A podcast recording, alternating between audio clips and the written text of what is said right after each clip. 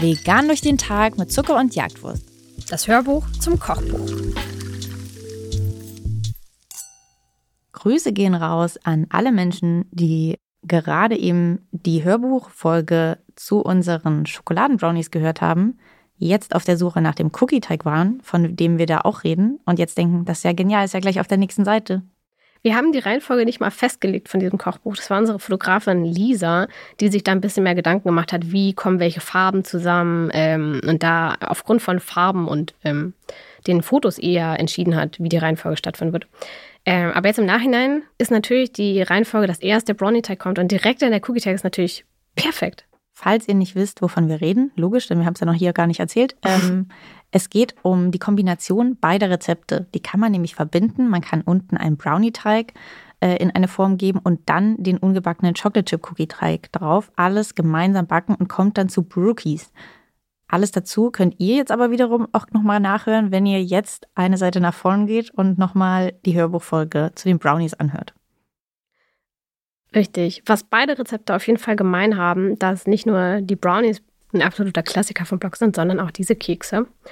Ähm, ich glaube, es liegt daran, dass die einfach sehr simpel sind, dass auch hier die Zutaten wirklich ähm, in jedem Supermarkt zu finden sind und dass sie eigentlich nicht wirklich schief gehen können, weil so richtig viel falsch machen kann man hier wirklich nicht. Sie sind auch in 40 Minuten fertig und es gibt selten, finde ich, ähm, richtig gute vegane Kekse zu kaufen.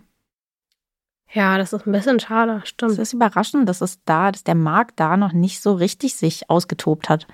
Ähm, wird ein bisschen vernachlässigt, aber brauchen wir auch nicht, weil die sind in 20 Minuten zubereitet, in 20 Minuten gebacken, also wahnsinnig schnell fertig. Genauso wie bei den Peanut Butter Chocolate Cookies haben wir es auch bei diesem Rezept so gemacht, dass wir den Keksteig äh, zu kleinen Kugeln formen und sie als Kugeln auch backen und erst nach dem Backen dann mit einem Pfannenwender zerdrücken. Das hat den Vorteil, dass der Keksboden nicht so trocken wird und nicht so hart wird, sondern schön weich bleibt.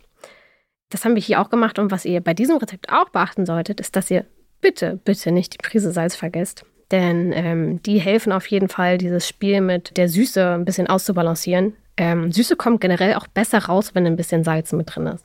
Ähm, deswegen vergesst das Salz nicht. Auf dem Foto haben wir ja auch ein bisschen großzügig Salzflocken drüber gestreut. Auch das ist sehr geil. Müsst ihr natürlich nicht machen.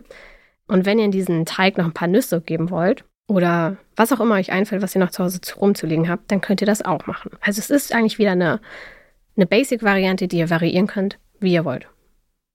Und auch in der Zubereitung kann man noch ein paar Sachen ähm, tweaken. Und zwar, also das ist jetzt die schnelle Variante. Wie gesagt, ihr seid in 40 Minuten, wenn ihr jetzt anfangt, habt ihr in 40 Minuten einen Keks in der Hand.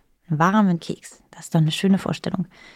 Wenn ihr aber noch mehr Zeit habt oder etwas vorbereiten wollt äh, und heute irgendwie nicht mehr zum Backen kommt, dann könnt ihr übrigens auch diesen Teig über Nacht im Kühlschrank ruhen lassen. Das wird ab und zu als so Geheimtipp für Chocolate Chip Cookies genannt, denn dadurch bekommen sie ein bisschen noch einen intensiveren Geschmack und auch eine bessere Konsistenz. Ich habe beide schon probiert. Ich finde ehrlich gesagt den Unterschied nicht so essentiell, dass ich unbedingt jedes Mal darauf warte, äh, den Teig erst in den Kühlschrank zu geben über Nacht. Also ich backe die auch sehr oft einfach direkt so weg, weil ich möchte dann oft auch gern wirklich in 40 Minuten den warmen Keks in der Hand halten.